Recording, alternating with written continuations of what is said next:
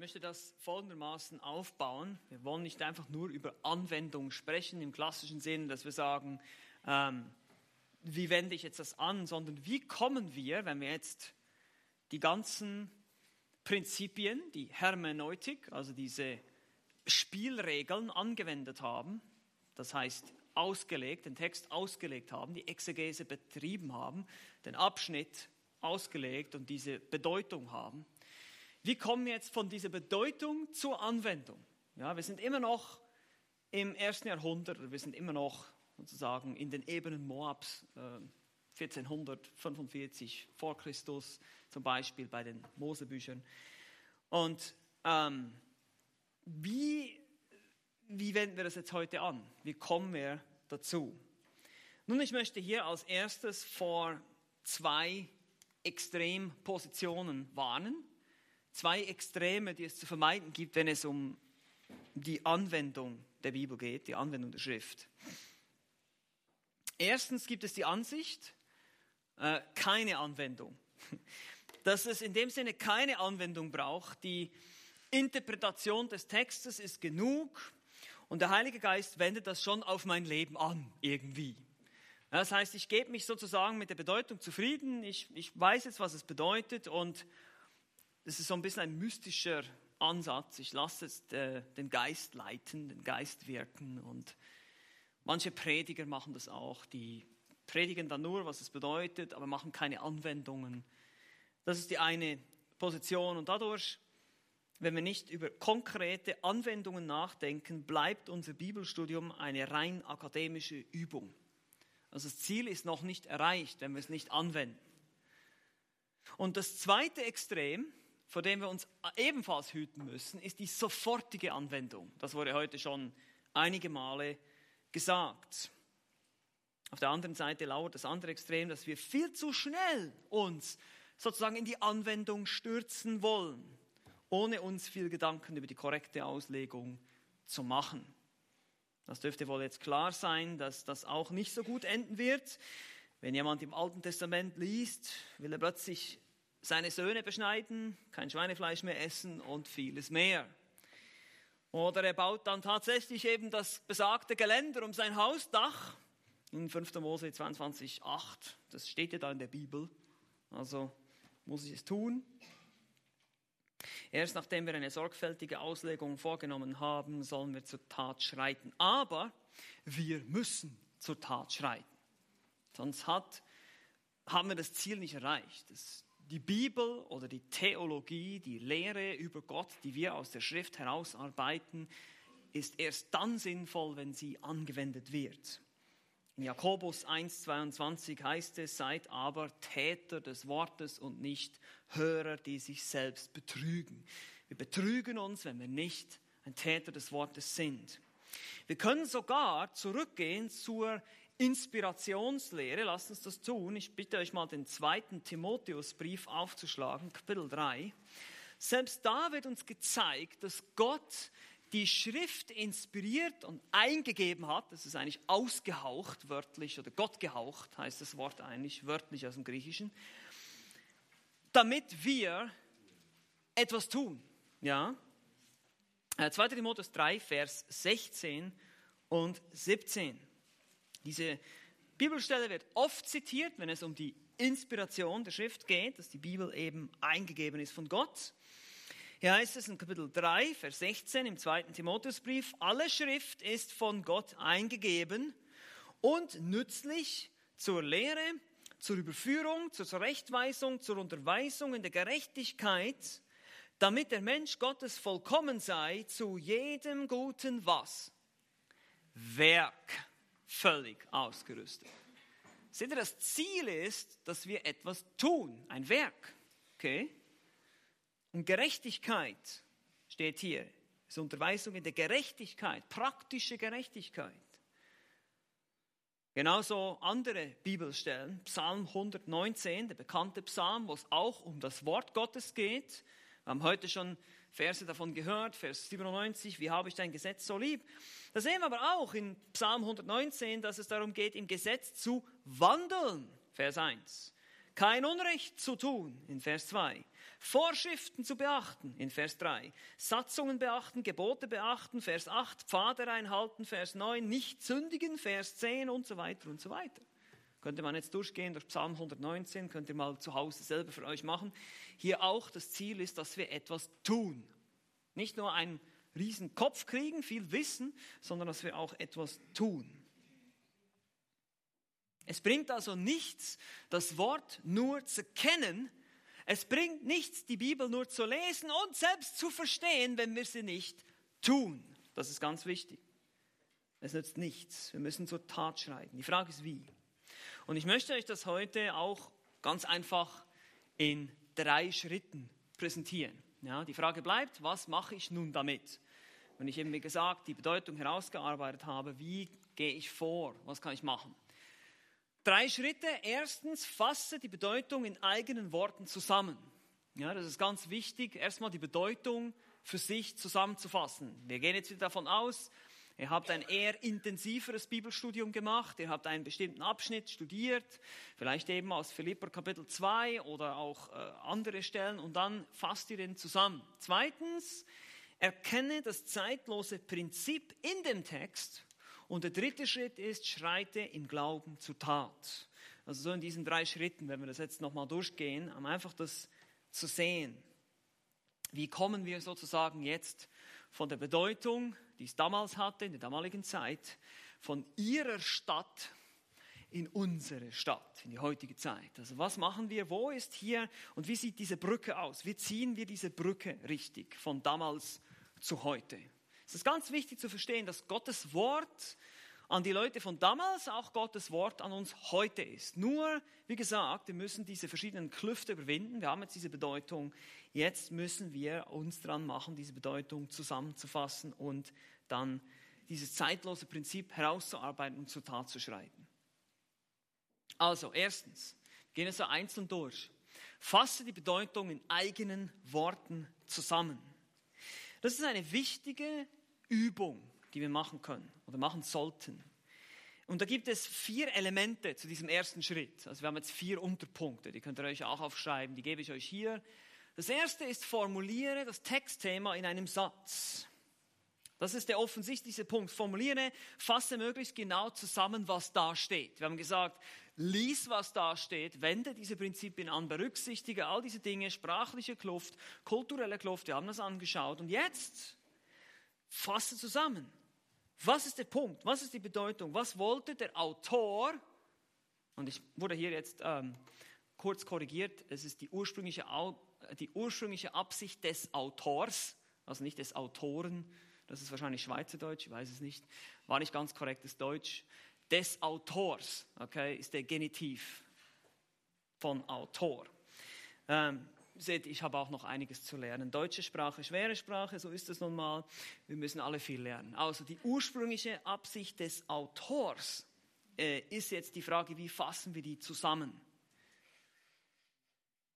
Achte dabei darauf, nicht zu allgemein und auch nicht zu spezifisch zu sein, sondern möglichst den ganzen Text abzudecken. Und hier gebe ich euch jetzt einfach auch wieder ein Beispiel. Ihr dürft Jakobus Kapitel 1 aufschlagen. Jakobusbrief, Kapitel 1. Wir wollen da einen Textabschnitt anschauen. Das ist natürlich jetzt, wir überspringen jetzt hier sozusagen einige Schritte und gehen direkt zur äh, Zusammenfassung. Aber das ist jetzt nur beispielhaft für euch, einfach um euch das so vorzustellen, wie das geht. Jakobus 1, die Verse 5 bis 8. Nehmen wir jetzt mal an, wir haben diese Verse untersucht. Da steht, ich lese uns das vor. Wenn aber jemand von euch Weisheit mangelt, so erbitte er sie von Gott, der allen willig gibt und nichts vorwirft, und sie wird ihm gegeben werden.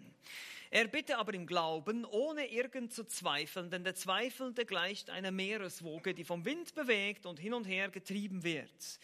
Denn jener Mensch denke nicht, dass er etwas von dem Herrn empfangen wird. Er ist ein wankelmütiger Mann und steht in all seinen Wegen bis hierher. Jetzt wollen wir diese diesen Abschnitt zusammenfassen. Und das können wir relativ schnell sehen, dass es hier um Weisheit geht.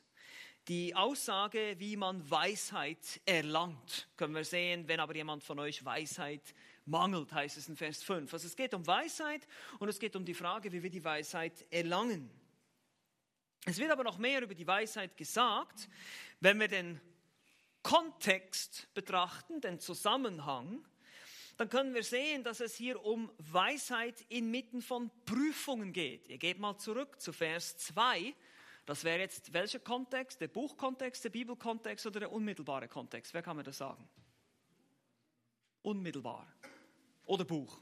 Vielleicht auch Buch. Aber unmittelbar. Direkt, was direkt davor gesagt wird. Ne? Vers 2.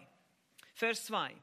Haltet es für lauter Freude, meine Brüder, wenn ihr in mancherlei Prüfungen fällt. Hier ist das Wort Prüfungen besser als Anfechtungen, wie manche Übersetzungen das machen. Also es geht hier darum, im Zusammenhang, diese Menschen werden geprüft. Sie werden verfolgt. Denn ihr wisst, dass die Bewährung eures Glaubens Ausharren bewährt, das Ausharren und so weiter und so fort. Dann kommt Vers 5. Wenn aber jemand von euch Weisheit mangelt, also es Weisheit inmitten von Prüfungen. Wie man Weisheit inmitten von Prüfungen erlangt, wäre dann unsere Zusammenfassung, wenn wir es jetzt weiter ausbauen. Das kommt der Sache schon etwas näher. Nun aber wird aber auch die Frage beantwortet, wie man diese Weisheit bekommen kann in diesem Abschnitt hier. Indem man bittet, und zwar im Glauben, ohne zu zweifeln. Seht ihr das in Vers 6? Und dann Vers 7 und 8 machen nur das Gegenteil deutlich. Wenn jemand zweifelt, dann empfängt er daneben auch nichts. Also wäre dann eine gute Zusammenfassung hier folgendes, und das ist auch wieder aus Bibelauslegung praktisch von Stadelmann. Weisheit in Prüfungen gewinnt man, wenn man im Glauben und ohne Zweifel darum bittet. Das wäre eine Zusammenfassung von diesen Versen 5 bis 8. Das ist eine, eine wichtige Übung. Man nennt das auch Synthese, einfach eine Art Zusammenfassung in eigenen Worten machen. Das ist sehr hilfreich, wenn ihr wirklich verstehen wollt, um was es geht im Text, und das ist das Ziel, wir wollen verstehen, was der Autor ursprünglich sagen wollte, was er hier sagt, und deshalb machen wir diesen Schritt. Wir fassen diese, Text, ähm, diese Texteinheit zusammen. Und zwar meistens hat es einen Textgegenstand, das wäre jetzt hier zum Beispiel die Weisheit, und eine Textaussage. Was wird alles über die Weisheit gesagt? In dem Zusammenhang hier. Und das müssen wir formulieren. Eben. Weisheit in Prüfungen gewinnt man, wenn man im Glauben ohne Zweifel darum bittet. Ein Beispiel noch, ein anderes Beispiel wäre 1. Thessalonischer Kapitel 4, ähm, die Verse 3 bis 7. Ich lese euch das einfach vor, ihr müsst nicht dahin gehen. Hier heißt es, denn dies ist Gottes Wille, eure Heiligkeit, dass ihr euch der Hurerei enthaltet, dass jeder von euch sein eigenes Gefäß in Heiligkeit und Ehrbarkeit zu besitzen wisse, nicht in Leidenschaft der Lust, wie auch die Nationen, die Gott nicht kennen, dass er seinen Bruder nicht übersehe, noch hintergehe in der Sache, weil der Herr Rächer ist über dies alles wie wir auch zuvor gesagt und ernstlich bezeugt haben, denn Gott hat uns nicht zur Unreinheit berufen, sondern zur Heiligung. Also es geht um Heiligung. Das ist relativ simpel zu erkennen. In Vers 3 am Anfang und auch im Vers 7 am Schluss geht es um Heiligkeit, Heiligung. Aber das wäre noch zu kurz gegriffen, weil hier geht es um Heiligung in einem bestimmten Bereich, im sexuellen Bereich, Keuschheit, es geht darum, dass wir nicht wie die Heiden sind, in Leidenschaft und Lust, wie es in Vers 5 heißt. Und deshalb wäre eine Zusammenfassung hier folgende. Die berufungsmäßige Heiligung des Christen zeigt sich in keuschen Verhalten in und außerhalb der, der Ehe. Zitat Ende. Einfach nur als Beispiele, wie wir sowas machen können für uns selbst in unserem eigenen Studium. Wenn wir so einen Abschnitt vor uns haben, wie fassen wir den zusammen? Also wir fassen die Texteinheit erstmal zusammen formuliere das Textthema. Dann, was wir weitermachen, ist, wir bauen unsere Anwendung auf der Interpretation des Textes. Also seid ihr sicher, dass deine Anwendung auf einer korrekten Auslegung des Textes basieren wird. Also wir wenden da nicht irgendwas anderes an, sondern wir versuchen das anzuwenden, was der Autor ursprünglich wollte, auch was seine Empfänger anwenden sollten. Die, unsere Anwendung muss gemäß der ursprünglichen Absicht des Autors, jetzt habe ich schon wieder gesagt Autoren, jetzt mal gucken, wie lange es geht, bis ich mir das abgewöhnen kann, des Autors ausrichten. Bei mir steht jetzt immer noch Autoren hier im Manuskript. Also auch hier Vorsicht mit Generalisierungen und Vergleichungen, äh, Vergleichen oder auch mit Wortstudien oder solchen Sachen, wir können sehr schnell auf Abwege geraten. Wenn wir zum Beispiel zum Schluss kommen, dass jede Erwähnung von Öl in der Bibel immer den Heiligen Geist meint, dann haben wir irgendwann mal Probleme, gewaltige Probleme. Die Witwe in 2. Äh, Könige Kapitel 4, die kein Öl mehr hatte, hat deshalb auch keinen Heiligen Geist. Das ist schwierig. Auch hier haben wir Geschichtsbuch und das ist wahrscheinlich eher wörtliches Öl da gemeint. Also versuchen wir nicht Generalisierung, versuchen wir nicht äh, Birnen mit Äpfeln zu vergleichen sozusagen oder Worte andere Bedeutung zu geben, sondern auch hier auf den Kontext zu achten. Wir müssen darauf achten, was wollte der Autor ursprünglich sagen, wie können wir unsere Anwendung darauf bauen. Was war seine Absicht, was seine Empfänger tun sollten und das ist dann auch das, was wir tun wollen. Das geht auch in denselben Bereich hinein. Hier finde heraus, was von der ursprünglichen Empfängerschaft erwartet wurde. Es gibt biblische Texte, die an eine Gemeinde geschrieben wurden, im Neuen Bund, ja, der Epheserbrief. Hier haben wir relativ viel direktes Material für uns. Hier könnt ihr mehr oder weniger alles fast direkt anwenden, um es jetzt ganz, ganz allgemein und plump zu sagen. Müssen wir auch da vorsichtig sein, aber trotzdem. Hier gibt es viel direktes Gebot für uns. Der Dieb stehle nicht mehr, gehe arbeiten, hör auf zu lügen und sprich die Wahrheit und so weiter und so fort. Epheser 4, viele von uns kennen die Stellen. Wenn wir aber mit einer Aussage aus den Sprüchen zu tun haben, dann ist es etwas anderes. Wie gesagt, hier kommt wieder was zum Tragen? Literaturgattung. Weisheitsliteratur. Es sind Prinzipien für weise Lebensführung. So beginnt Kapitel 1 in den Sprüchen.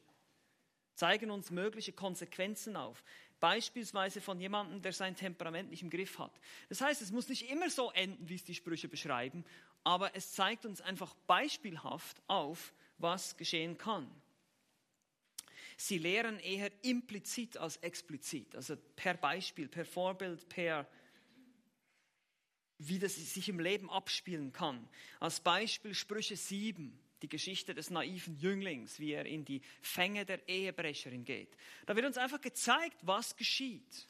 Und wir können lernen davon. Das ist nicht ein direktes Gebot, sondern es ist einfach ein, eigentlich ein warnendes Beispiel, schon viel mehr. Und genauso sind die Geschichten des Alten Testaments oder auch im Neuen Testament zu verstehen. So gibt es zum Beispiel das Gebot Gottes an die Israeliten in der Wüste, sechs Tage in der Woche Manna zu sammeln. Das geht nicht direkt an uns, 2. Mose 16, aber es ist ein Beispiel, wie wir gehorsam sein sollten und wie die Israeliten es nicht waren. Also wir finden auch leider viele negative Beispiele. Und deshalb ist es wichtig, dass wir herausfinden müssen, was von den ursprünglichen Empfängern erwartet wurde. Was wurde von ihnen erwartet? Was war das, was sie tun sollten? Bevor wir dann zum nächsten Schritt kommen. Der nächste Schritt ist jetzt nämlich Schritt 2, das zeitlose Prinzip in dem Text erkennen. Wenn wir jetzt wissen, was damals erwartet wurde, was die damalige Bedeutung war, was die Idee ist dahinter, wenn wir es zusammengefasst haben, was, was Paulus den Thessalonischen oder Jakobus seinen Empfängern sagen wollte, jetzt können wir das sogenannte zeitlose Prinzip aus dem Text herausarbeiten. Was ist die Brücke, sozusagen wir haben jetzt hier diese, diese, das erste Jahrhundert oder die Zeit Moses und jetzt dieses zeitlose Prinzip ist sozusagen die Brücke in unsere Zeit. Wir müssen das wie eine Brücke vorstellen. Und auch hier gibt es verschiedene Unterpunkte, die ich euch geben möchte, einfach zu dem, was ihr, worüber ihr nachdenken könnt und worauf ihr achten solltet. Das erste ist, finde heraus, was wir mit den ursprünglichen Empfängen gemeinsam haben. Jetzt geht es nicht mehr darum, was wurde von ihnen spezifisch erwartet, zum Beispiel die Israeliten in der Wüste, die Manna sammeln sollten, sondern was haben wir mit ihnen gemeinsam? Nun, wir sind zwar keine Israeliten, okay, aber wir sind Gläubige. Die sind Gläubige im Alten Bund, wir sind Gläubige im Neuen Bund. Aber was haben wir sonst noch gemeinsam? Nun, sie sollten Gott gehorsam sein, wir auch. Ah, hier haben wir eine gemeinsame Basis. Ja, und die suchen wir. Diese gemeinsame Basis. Und wir, wir, arbeiten vom Allgemeinen zum Konkreten. Sie sind Menschen, wir sind Menschen. Sie sind Gläubige, wir sind Gläubige. Vielleicht ist es aber auch ein Ungläubiger. Da müssen wir schon aufpassen. Vielleicht war es ein ungläubiger Mensch, der uns hier beschrieben wird, der dann irgendwie Gericht erntet oder sonst irgendwas. Dann ist es vielleicht eher ein warnendes Beispiel. Und selbst für die Briefe des Neuen Testaments, die ja, wie gesagt, direkt an Gemeinden geschrieben wurden, haben wir nicht immer alles gemeinsam mit den damaligen Empfängern. Auch da gibt es Unterschiede in der Kultur, in den Sitten. Nehmen wir zum Beispiel den Bruderkuss in 1. Korinther 16, 20. Ja, das ist nicht mehr üblich, dass wir uns heute so begrüßen. Damals Gab es einen Bruderkuss? Ja. Ich höre schon wieder das Lachen von Alex. Hier ein Zitat von und Stewart, wieder aus ihrem Buch Effektives Bibelstudium. Wenn es vergleichbare Einzelheiten, das heißt ähnliche spezifische Lebenssituationen gibt, die wir mit dem ersten Jahrhundert gemeinsam haben, hier geht es jetzt um die Briefe, das gilt natürlich auch für alle anderen Zeitalter, ist Gottes Wort an uns dasselbe wie sein Wort an die Menschen damals. Also diese gemeinsame Basis, die wir haben mit den damaligen Empfängern, das ist Gottes Wort an uns, wie es Gottes Wort an damals, an die damaligen Empfänger war. Wir müssen also herausfinden, wo Gottes Wort für damals auch Gottes Wort für uns heute ist. Und ihr versteht das jetzt hoffentlich richtig. Ja, das nicht, ich meine damit nicht, dass irgendwie dass sich durch die Zeit geändert hat. Wie gesagt, das Prinzip bleibt dasselbe. Wir müssen besonders auf die anderen Umstände wie alter Bund, habe ich schon gesagt, der alte Bund, neue Bund, ähm, Kultur, Sitten und solche Dinge achten. Auch sind die Geschichten des Alten Testaments nicht reine Morallehre. Es ist nicht immer nur geschrieben, zu zeigen, was Menschen Gutes tun oder nicht Gutes tun, sondern oft geht es auch darum, oder eigentlich immer, Gottes Eigenschaften zu zeigen, Gottes Wirken zu zeigen mit Menschen. Also wir müssen vielleicht auch lernen, selbst in Kinderstunden wird das Problem oft, äh, oder wird dieser Fehler begangen, dass man, Beispiel bei Jona, ja, über den großen Fisch spricht. Und ja, wie dieser große Fisch und Jona und wir umgehen. Aber es wird nicht über den großen Gott gesprochen, der diesen Fisch gesendet hat und souverän gehandelt hat. Und so müssen wir aufpassen, dass auch wir, wenn wir die Bibel lesen, selbst die Geschichten des Alten Testaments, die wir viele von uns gut kennen, von der Sonntagsschule her, dass wir die nicht so auslegen, dass es nur um Menschen geht und die Menschen die Hauptperson sind, sondern Gott ist die Hauptperson. Es geht nicht nur um Morallehre, sondern es geht darum, dass wir Gottes Wirken, Gottes Denken, Gottes Erwartungen sehen, Gottes Herrlichkeit sehen. Und die geistlichen Prinzipien dahinter, Glaube, Gehorsam, Liebe und all diese Dinge, die uns gelehrt werden durch die Geschichten, durch die Gedichte, durch die Sprüche und durch vieles mehr. Ein Beispiel hier. Gottes Gebot an Noah, eine Arche zu bauen, ist sicherlich nicht gültig für uns heute. Also wir gehen nicht hin und bauen eine Arche. Aber das Vertrauen, das Noah in Gott setzte, wird von uns heute auch verlangt. Der Glaube.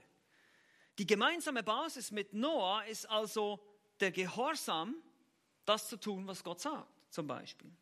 Noah ist ein gutes Beispiel, eine Illustration aus der damaligen Zeit für uns, ein Vorbild. Ihr seht das Prinzip. Wir müssen herausfinden, wo sind, wo ist die gemeinsame Basis mit den Empfängern. Weiter. Finde heraus, was heute noch Gültigkeit hat oder normativ ist. Ich habe euch das schon so ein bisschen hm, angesprochen. Äh, dass wir beispielsweise nicht alles, was in der Apostelgeschichte steht, einfach so eins zu eins anwenden können heute, weil es ein Geschichtsbuch ist. Es beschreibt Dinge, es ist beschreibender Text, nicht vorschreibender Text. Also was hat normativen Charakter? Was ist gültig für alle Gläubigen aller Zeitalter? Das ist die Frage. Das ist eine weitere Frage, die wir uns stellen. Die gemeinsame Basis ist eine mögliche Anwendung oder eine mögliche Brücke. Eine weitere Brücke ist, wenn ein Prinzip gelehrt wird, das über alle Zeiten hinweg gelehrt wird. Es wurde nie geändert. Und hier sehen wir schon, wie wichtig es ist, dass wir eben die gesamte Bibel kennen. Dass wir nicht nur an einer Stelle lesen können oder ein, zwei Bücher oder unsere Lieblingsverse jeden Tag, sondern dass wir die gesamte Schrift kennen müssen. Dann werden wir nämlich Dinge feststellen, wie zum Beispiel, das Gebot, du sollst deinen Nächsten lieben wie dich selbst. In 3. Mose Kapitel 19, Vers 18 wurde schon im Alten Testament gelehrt und wird im Neuen Testament ebenfalls gelehrt, Beispiel in Matthäus 5 oder Römer 13, hat sich also nicht geändert, wird wiederholt. Die Schrift zeigt oft durch Wiederholung, dass etwas ein durchgängiges Prinzip ist, was hier in dem Beispiel im Alten wie im Neuen Bund gilt, auch für uns heute. Die gesamte Schrift zeigt durch Wiederholung oder auch Erneuerung im neuen Bund, dass dieses Gebot ein ewiges Prinzip ist und direkt anwendbar ist für uns. Die Speisevorschriften hingegen aus 3. Mose 11 haben sich offenbar geändert. Auch hier, wenn wir die ganze Schrift studieren, stellen wir fest, in Apostelgeschichte 10, Durch die Vision des Petrus wird uns etwas anderes gelehrt. Plötzlich sind die unreinen Tiere werden für rein erklärt. Oder auch im Kolosserbrief werden bestimmte Elemente abgeschafft, Speisevorschriften. Hat sich geändert. Die Situation ist anders im neuen Bund wie im alten. Ein anderes Beispiel, in Matthäus 10, die Verse 9 bis 10, gebietet Jesus den Jüngern kein Geld mitzunehmen und zu reisen. Das ist kein allgemeines Gebot für uns heute, wenn wir auf Reisen gehen, dass wir kein Geld mitnehmen sollen. Warum? Woher wissen wir das? Nun, später ändert Jesus dieses Gebot in Lukas 22. Plötzlich sollen sie was mitnehmen. Also wir sehen daran, dass es eine spezifische Sache war für die Jünger damals, nicht für uns heute. Hier auch wieder die gemeinsame Basis wäre vielleicht das Vertrauen, das sie in Gott setzen mussten, dass Jesus sie versorgen würde, dass Gott sie versorgen würde, aber nicht, dass sie kein Geld mitnehmen. Also es wird geändert. Und hier seht ihr schon, wie wichtig es ist, dass wir wieder Schrift mit Schrift vergleichen. Wieder dieses Prinzip. Das gilt auch für den Befehl, die Toten aufzuerwecken in Matthäus 10, Vers 8. Das war ein besonderer Auftrag. Das wird im Missionsbefehl in Matthäus 28 nicht mehr wiederholt, als Beispiel. Und so gibt die Bibel selbst uns Hinweise darauf, für den sorgfältigen Studenten wird wird er herausfinden können, in der Schrift selbst, welche Dinge normativ sind, das heißt eben für alle Gläubigen aller Zeitalter oder für uns Christen heute geltend sind oder eher nur Beispiele sind, wie etwas geschehen ist und implizit uns etwas lehren wollen. Wir sollen davon ausgehen, dass Gott sich in seinen moralischen Maßstäben nicht geändert hat und deshalb aber Dinge auch explizit wiederholt.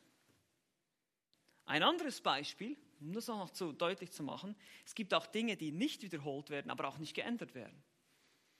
Wir haben denn das Verbot des sexuellen Verkehrs mit Tieren in 3. Mose 18. Das wird im Neuen Testament nicht explizit verboten. Es wird nirgends mehr erwähnt. Aber alle anderen Aussagen über sexuelle Reinheit lassen darauf schließen, dass Gott es heute immer noch nicht gutheißen würde. Sowas. Also selbst da können wir 3. Mose anwenden auf uns heute, obwohl das in einem anderen Zeitalter und einem anderen, unter, anderem, unter einem anderen Bündnis gegeben wurde. Und so müssen wir die Schrift mit Schrift vergleichen und erkennen, welche Dinge sind normativ. Und die Bibel selber gibt uns viele, viele Hinweise darauf. So, was machen wir nun, wenn wir keine direkte Aufforderung oder auch nicht unbedingt eine Wiederholung finden? Hier gibt es noch eine weitere Sache, ein weiteres Element unter diesem zweiten Prinzip, wie wir das zeitlose Prinzip finden, findet das innewohnende Prinzip im Text. Manchmal oder sehr oft wird uns kein direkter Befehl gegeben. Vor allem auch, wie gesagt, die Geschichten im Alten Testament. Es sind einfach Geschichten. Sie schildern uns einfach und simpel, wie etwas geschah, wie es ablief. Und es ist oft dem Leser überlassen oder eben der damaligen Empfänger. Und das ist entscheidend hier. Die damaligen Empfänger wussten bestimmte Dinge, die wir vielleicht noch nicht wissen oder nicht verstehen oder gar nicht verstehen können, weil wir nicht in der damaligen Zeit gelebt haben. Aber sie wussten das und als sie diese Dinge lasen oder hörten, gab es für sie bestimmte Anwendungen. Und das erfordert von uns biblisches Denken, Kenntnis der gesamten Schrift, der Gesetze Mose zum Beispiel. Es, es erfordert, jemand ist gerade auf mich zugekommen, der Paulus hat mich genau die Frage gestellt, wie wir das Buch Richter verstehen sollen. Ich weiß nicht, wer von euch schon mal das Buch Richter gelesen hat. Äh, neulich haben mich meine Kinder gefragt, ob wir das mal in der Morgenandacht zusammen lesen, das Buch Richter. Und ich habe gedacht, oh, okay. Und, und da lest sie wirklich ziemlich schlimme Sachen. Also es gibt, es ist ein sehr blutiges Buch, es ist sehr viel Gewalt, es ist Abfall, äh, äh, es ist einfach teilweise total chaotisch. Man denkt irgendwie, was, was um alles in der Welt soll das? Und was soll ich damit anfangen? Nun, um dieses Chaos im Buch Richter richtig zu verstehen, müssen wir die Gesetze Mose kennen. Wir müssen erst die ersten fünf Bücher Mose lesen und verstehen und sehen, was Gott den Israeliten offenbart hat und dann den Auftrag gegeben hat, dieses Land einzunehmen und sich abzusondern, die Kananiter alle auszurotten. Was nicht geschehen ist, sie waren nicht gründlich und deshalb kommt es zu diesem Abfall. Und so ist das Buch Richter eine Geschichte des Abfalls und des Ungehorsams. Es ist ein einziges negatives Beispiel für uns. Und deshalb sollten wir Prinzipien, die wir da oder Dinge, die wir da sehen im Buch Richter, nicht unbedingt für uns jetzt nehmen, für die heutige Zeit, um sie nachzuahmen, weil dafür sind sie nämlich gar nicht gedacht. Diese Dinge sind gedacht, um uns abzuschrecken, um uns zu zeigen, was geschieht, wenn ein Volk oder das Volk Gottes Gottes Gebote verwirft und ein jeder tut, was in seinen eigenen Augen recht ist. Dieser Vers, also diese Aussage kommt einige Male vor in dem Buch. Wenn ihr das Buch durchlest, wird euch das auffallen. Diese Aussage wird ein paar Mal gemacht. Jeder tut einfach, was er will. Wo kommen wir dahin? Wo kommt eine Gesellschaft hin, wenn sie das tut? Das lehrt uns das Buch Richter. Wir können sehr viel lernen davon, wenn wir es vorsichtig und sorgfältig auslegen. Wenn wir aber nicht sorgfältig sind, dann entweder eben ziehen wir keinen Nutzen draus und denken, was soll das, was bringt mir das, oder wir kommen auf ganz seltsame Auslegungen. So ist zum Beispiel Richter Kapitel 21, weiß ich, wer mit der Geschichte vertraut ist, wo es darum geht, den Benjaminitern äh, Frauen zu verschaffen, weil der Stamm Benjamin fast ausgerottet wurde. Und so ist Richter 21 keine Anleitung, wie man eine Braut findet. Also wir schicken nicht jetzt unsere Single-Frauen hier raus zum Tanz und äh, Single-Männer aus anderen Gemeinden können sie sich dann schnappen. Nein, das ist nicht die Idee, warum Richter 21 aufgeschrieben wurde für uns. Das hat einen ganz anderen Hintergrund. Er soll uns einfach zeigen, könnt es ja heute Abend beim Single-Dinner besprechen. das ist keine Anwendung für euch, also bitte. Es soll uns vielmehr das Chaos zeigen. Kapitel 17 bis 21 im Buch Richter, da sehen wir noch viel mehr chaotische Zustände ähm, und sehen, wie viele Gesetze Mose eigentlich gebrochen werden da. Und das soll uns aufgezeigt werden. Also es ist keine Anleitung. Und so müssen wir das verstehen, das inwohnende Prinzip aus dem Kontext, aus dem Zusammenhang, aus dem, was die damaligen Empfänger verstanden haben. Seht ihr, es ist vielleicht nicht immer ganz so einfach, das sofort an der Oberfläche zu sehen, aber je mehr wir die Bibel lesen, je mehr wir sozusagen in der Bibel leben und, und so denken wie die Schrift, werden wir Dinge erkennen. Und so können wir durch verschiedene Beispiele geben, wie zum Beispiel 1. Mose 22, Abraham wird aufgefordert, seinen Sohn Isaac zu opfern. Also es geht, da gehen wir nicht raus und opfern unsere Söhne. Das ist ein Prinzip dass wir unter allen Umständen Gott gehorchen sollen, auch wenn es Opfer von uns verlangt, vielleicht. Und das bringt uns jetzt zum vierten Element. Hier, viertes Element. Sehe das Prinzip im Text als Implikation oder eine Brücke in unsere Zeit. Hier das ist so zusammenfassend, wie diese drei Schritte gegangen sind. Was haben wir mit den Empfängern gemeinsam? Was hat heute noch Gültigkeit? Was ist das inwohnende Prinzip jetzt? Diese, dieses Prinzip ist die Brücke als Implikation, als Auswirkung für uns. Manche Texte lernen es explizit direkt, Befehl, viele aber implizit, gewissermaßen unausgesprochen vielleicht sogar. Aber genau dieses Prinzip ist die Brücke in unserer Zeit. Es ist die Grundlage für die richtige Anwendung in unserer Zeit. Also dieses zeitlose Prinzip setzt sich dann zusammen aus all diesen Dingen oder aus einzelnen Dingen, aber das sind die Schritte, die wir gehen. Es gibt eine Bedeutung, die ursprünglich vom Autor, Autor berücksichtigte, die, wenn richtig verstanden, liefert uns das zeitlose Prinzip. Nochmal, ich sage das nochmal. Es gibt eine Bedeutung, die ursprünglich vom Autor beabsichtigte, die, wenn richtig verstanden, liefert uns das zeitlose Prinzip. Das ist genau der Punkt. Zeitlose Prinzip setzt sich zusammen aus der gemeinsamen Basis mit den Empfängern, die Dinge, die heute noch Gültigkeit haben, oder das innewohnende Prinzip des Textes. Und das ist die Brücke. Das ist die Brücke in unsere Zeit. Wir gehen noch mal, ich gehe nochmal zurück zur Geschichte Noahs in 1. Mose 6 bis 8, um das einfach so zu demonstrieren, das nur nochmal durchzudenken, wie wir denken sollen, wenn wir die Bibel auslegen. Wir haben die Geschichte Noahs, die Aufforderung zum Bau der Arche, aber wir haben das, das Vertrauen und der Gehorsam, den wir sehen bei Noah. Was ist die gemeinsame Basis? Noah war gläubig, er fand Gnade vor Gott, heißt es. Das ist die gemeinsame Basis, wie wir auch heute. Er wandelte mit Gott, er lebte mit ihm, wir wollen das auch. 1. Mose 6, Vers 9. Also hier haben wir eine gemeinsame Basis. Noah war ein gottesfürchtiger Mensch, wir wollen das auch sein. Ist es normativ? Nein, es ist nicht normativ, was Noah tut, aber was normativ ist, die Bibel fordert überall zum Glauben und Gehorsam gegenüber Gott auf. Immer und immer und immer und immer wieder.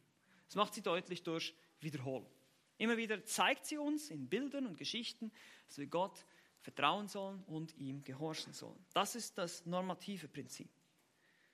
Das wohnt, welches Prinzip wohnt in dem Text? Wiederum mehrere Male wird darauf hingewiesen, dass Noah Gott gehorchte. Also das Prinzip wohnt auch im Text.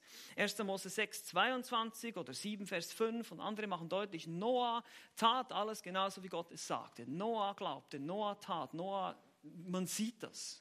Es wohnt im Text, das Prinzip des Gehorsams und des Glaubens. Also das ist definitiv eine Brücke hier der Glauben und der Gehorsam in unsere Zeit, wenn es um Anwendung geht. Und dasselbe Prinzip ist in der heutigen Zeit gültig, Glauben und Gehorsam, nur bauen wir eben keine Arche mehr, sondern wir tun andere Dinge. Jesus erwartet, dass wir ihm nachfolgen, ihm ähnlicher werden, einander lieben und so weiter. Und diese Glaube und Gehorsam, dieses zeitlose Prinzip, diese Bedeutung, die drückt sich dann wieder in verschiedenen Anwendungen aus. Das kann ganz unterschiedlich aussehen. Wie vertraust du oder wie gehorchst du Gott in verschiedenen Lebensumständen? Wenn du finanzielle Probleme hast, glaubst du, vertraust du immer noch?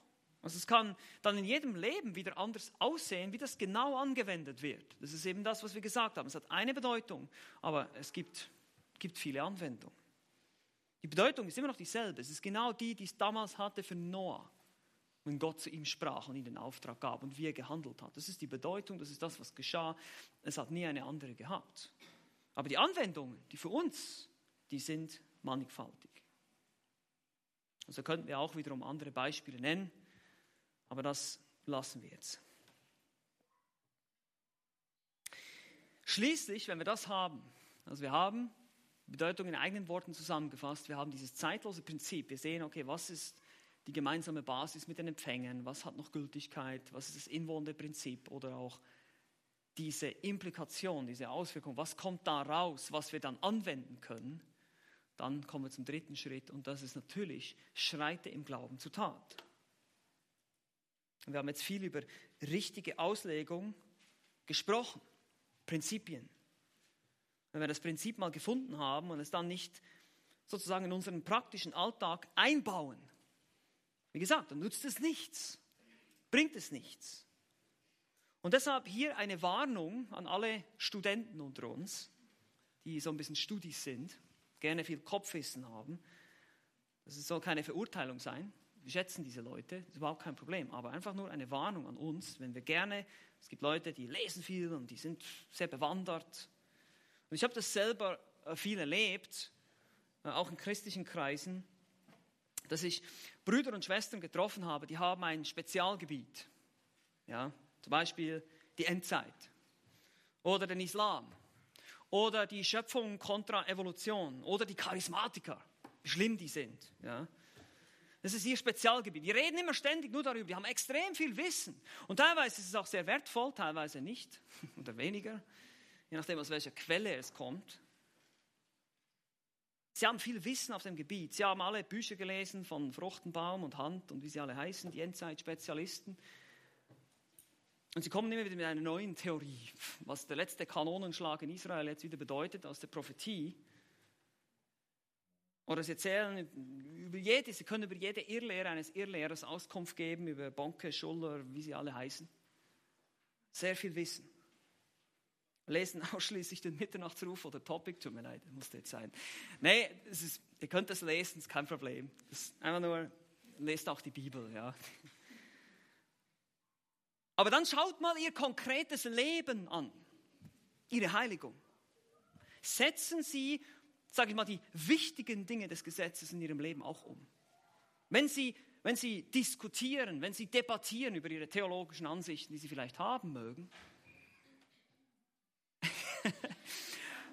danke, danke. Das war jetzt eine sehr sanftmütige Reaktion. nee, ist okay. Ähm, wie sieht das praktische Heiligungsleben aus in deinem oder meinem Leben? In, in der Ehe, im Umgang mit den Kindern, Sprache und so weiter. verlieren wir schnell das Temperament. Gnade, Geduld, Barmherzigkeit. Das meinte ich jetzt nicht. Das war ganz okay. Sie führen hitzige Debatten, Gespräche, merken aber nicht, dass sie womöglich lieblos verhalten dabei. Und deshalb müssen wir auch lernen, liebevoll miteinander zu debattieren.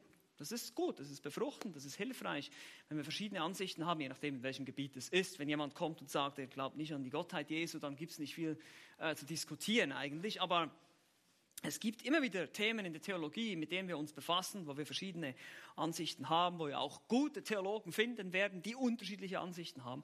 Und wir können darüber debattieren in einer guten brüderlichen Art und Weise. Das schärft uns gegenseitig, das hilft uns in unserem biblischen Denken. Es treibt uns zurück in die Schrift, noch mehr zu erfahren mehr zu lernen, aber es darf nicht beim Kopfwissen bleiben. Wir müssen die wichtigen Dinge des Gesetzes, wie Jesus sie nannte in Matthäus 23, 23, Recht, Erbarmen und Glauben ausleben. Auch in diesem Bereich. Und deshalb lasst uns zur Tat schreiten. Lasst uns zur Tat schreiten. Ich möchte euch hier einfach noch ein paar Tipps geben, wie wir das machen können, wenn wir jetzt eben ein intensives Bibelstudium hinter uns haben diesen Samstagmorgen, den wir uns da mal reserviert haben, um also sechs Stunden so richtig uns hinzusetzen und über einen Abschnitt zu brüten. Und dann kommen wir zu diesem Schluss. Wir haben das zeitlose Prinzip. Wir haben, und jetzt kommen wir zur Anwendung. Was machen wir jetzt? Wie schreiten wir jetzt im Glauben zur Tat? Ähm, das erste ist, schreibe dir spezifische Anwendungen auf. Wie gesagt, wir müssen zur Tat schreiten. Diese Tat muss konkret sein, sonst tun wir es nicht. Ich denke dabei an die Anwendung, zum Beispiel, ich sollte mehr beten. Diese Anwendung ist weder konkret noch hilfreich. Ich sollte mehr beten. Sie ist sehr allgemein und vage und unklar. Du solltest. Ja, sollten wir. Hm. Klar. Zweitens, definiere mehr. Was ist mehr? Sehr ungenau, sehr allgemein. Drittens, beten. Ja, was denn? Wie denn? Wofür denn? Das ist nicht konkret. Und das ist oft das Problem. Wir bleiben so ein bisschen in diesem allgemeinen, ungenauen, weil das ist bequem. Wir wollen nicht konkret werden in unserer Anwendung. was ist denn konkret? Nun, konkret wäre zum Beispiel erstens, ich werde beten. Das nehme ich mir vor. Zweitens, wie lange, wie regelmäßig. Und hier kommt ein Zeitelement, was Konkretisierung. Jeden Morgen um 6 Uhr, wenn ich aufstehe, werde ich mindestens 20 Minuten beten oder 15 Minuten. Kleine Ziele sind besser, nicht gleich übertreiben. Nicht drei Stunden, boah, und dann irgendwie nach zwei Tagen, bäh, liegen wir schon wieder flach. Das, das bringt nichts. Konkrete Anwendung, kleine Ziele, aber konkret in Zeit und Raum. Okay? Nicht einfach so irgendwie was wischiwaschi, sondern ganz konkrete Ziele haben.